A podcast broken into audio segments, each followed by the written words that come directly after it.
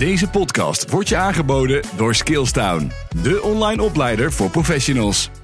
Welkom bij deze podcast over trends in opleidingen. Mijn naam is Peter van der Hout, programmamanager content bij online opleider Skillstown. En bij mij achter de podcastmicrofoon zit Lodewijk van Ommeren, CEO van Bureau Zuidema Groep. Welkom Lodewijk. Ja, dankjewel. Ja, allereerst Lodewijk, eh, Bureau Zuidema, wat, wat doen jullie zoal? Wij zijn uh, een uh, gespecialiseerd trainingsbureau voor uh, degenen die verantwoordelijkheid willen, krijgen of nemen.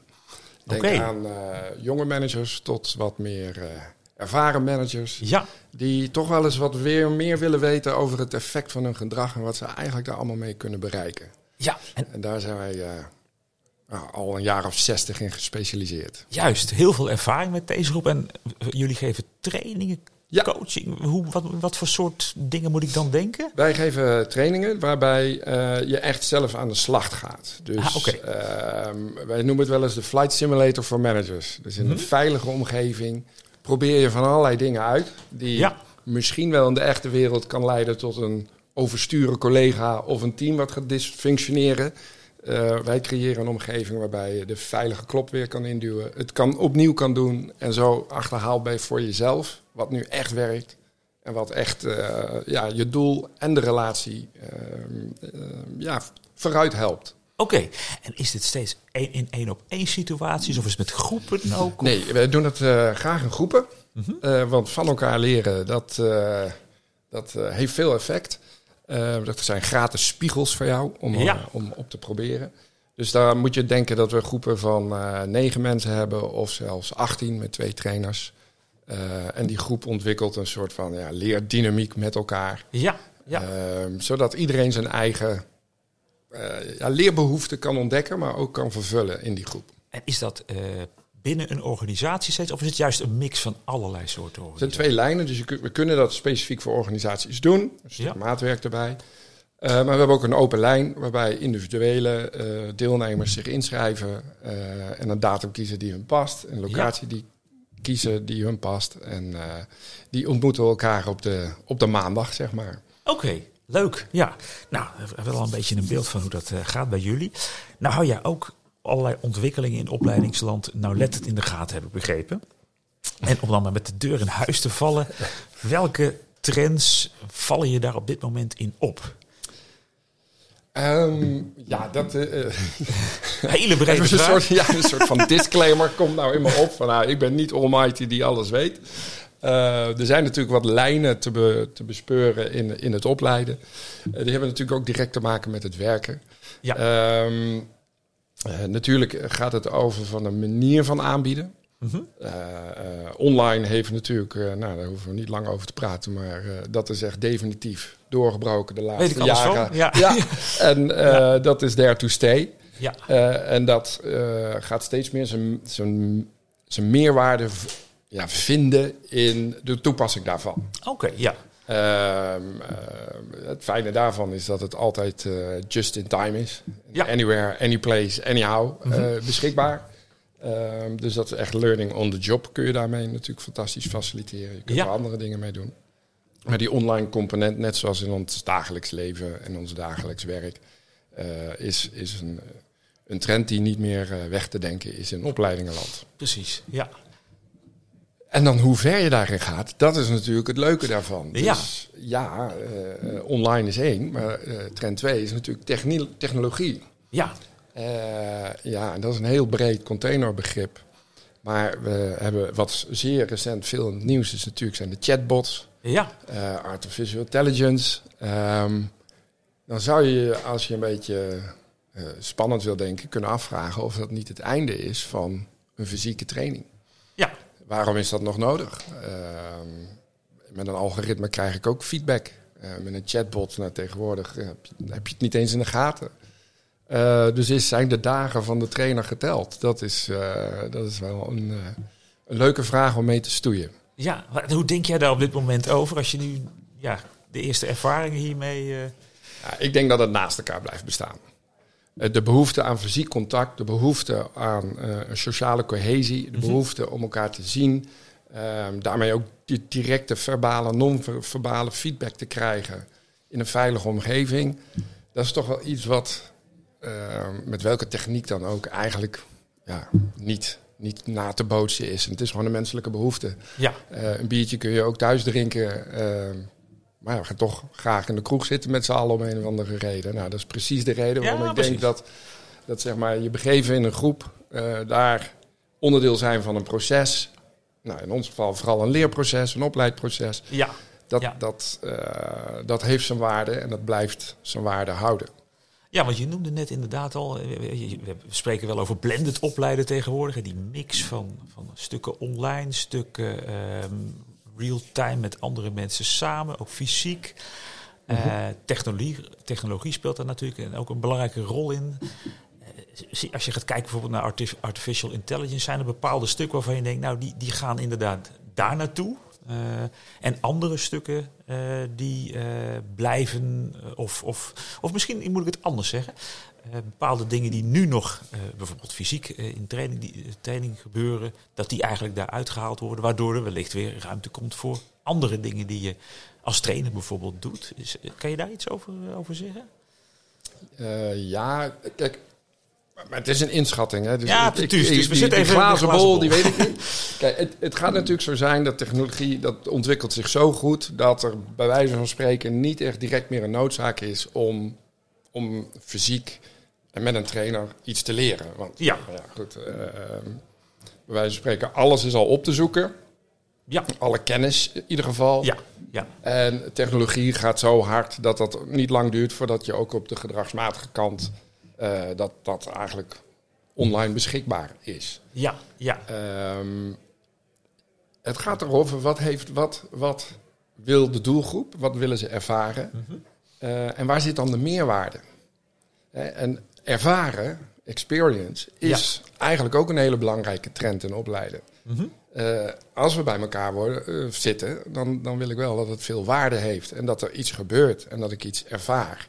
En aan een ervaring kan een hele goede leerervaring uh, zitten. Ja, ja. Um, en vandaar dat we ook met z'n allen op werk graag aan uitjes doen. Of we gaan op vakantie. Of ja. uh, je hoeft maar uh, heel veel voorbeelden te ja. bedenken die met ervaren te maken hebben. Er zijn hele pretparken vol met ervaren. Uh, dat is blijkbaar dus ook een hele belangrijke ja. behoefte. En ik denk dat opleiden daar meer naartoe gaat als het gaat over de fysieke gin. Ja. Ja. Uh, de nut van opleiden, dus wanneer je het precies nodig hebt, ja, dat doen we eigenlijk al. Hè? Oh, even Wikipedia pakken, even googlen, hoe zit dit, hoe zit dat, hoe ja, zit dit? Okay, ja. Dus het eigenlijk een hele mate van zelfopleiden is, is al beschikbaar. Ja. Het is alleen nog niet geformaliseerd, het zit niet in een leerlijn, het heeft geen, uh, wat dat betreft geen, geen uh, status, maar het is er al wel. Ja. En ik denk dat daar als online opleider natuurlijk ook hele gouden kansen zitten om daar nog meer waarde aan toe te voegen. En Ja. te categoriseren en te helpen zoeken. En te zorgen dat het echt goed is. En dat het didactisch klopt. En dat Ja. ook mijn ja. online leerervaring eh, waarde gaat hebben. En dat kan zijn dat het met timing te maken heeft. Dus dat je het precies op het juiste moment beschikbaar hebt. Ja, ja. Het kan zijn dat voor gespecialiseerde ehm, ehm, beroepen... eh, in de medische wereld gebeurt natuurlijk al heel veel eh, met VR-brillen. Ja, eh, om dat eh, te kunnen oefenen eh, eh, en te kunnen eh, ervaren hoe dat is.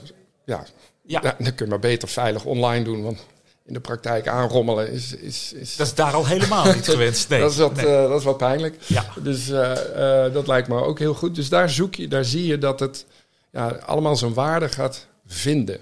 ja, En, eh, maar het bottom line is denk ik dat het allemaal naast elkaar kan blijven bestaan. Ja, waarbij je inderdaad wel duidelijk aangeeft, experience, toch wel een keyword. Het eigenlijk, de ervaring is toch wel, daar, daar zou het eigenlijk wel meer naartoe moeten om naast alles wat er nu is en wat erbij gekomen is, eh, echt die toegevoegde waarde nog kunnen bieden, te bieden als opleider eigenlijk. Ja, ja, ja, dat is een oud gezegde volgens mij in opleidingsland. Eh, je vergeet soms eh, wat er gezegd is, maar je vergeet nooit hoe je je gevoeld hebt op bepaalde Ja, momenten. precies.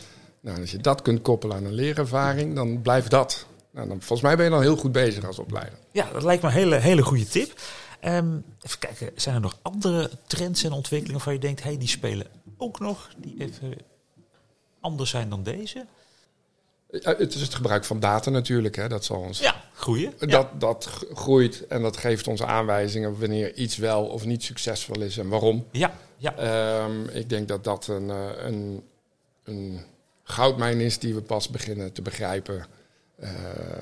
Ja, eigenlijk de eerste schreden in aan het zetten zijn. Om te begrijpen hoe dat dan tot meer waarde kan leiden. Ja. Maar het is wel iets van. Uh, nou ja, zeker als online aanbieder. Ja, precies. Kun je meteen uh, kun je behoorlijk. Uh, Daar hebben we er behoorlijk veel inzicht in. Klopt.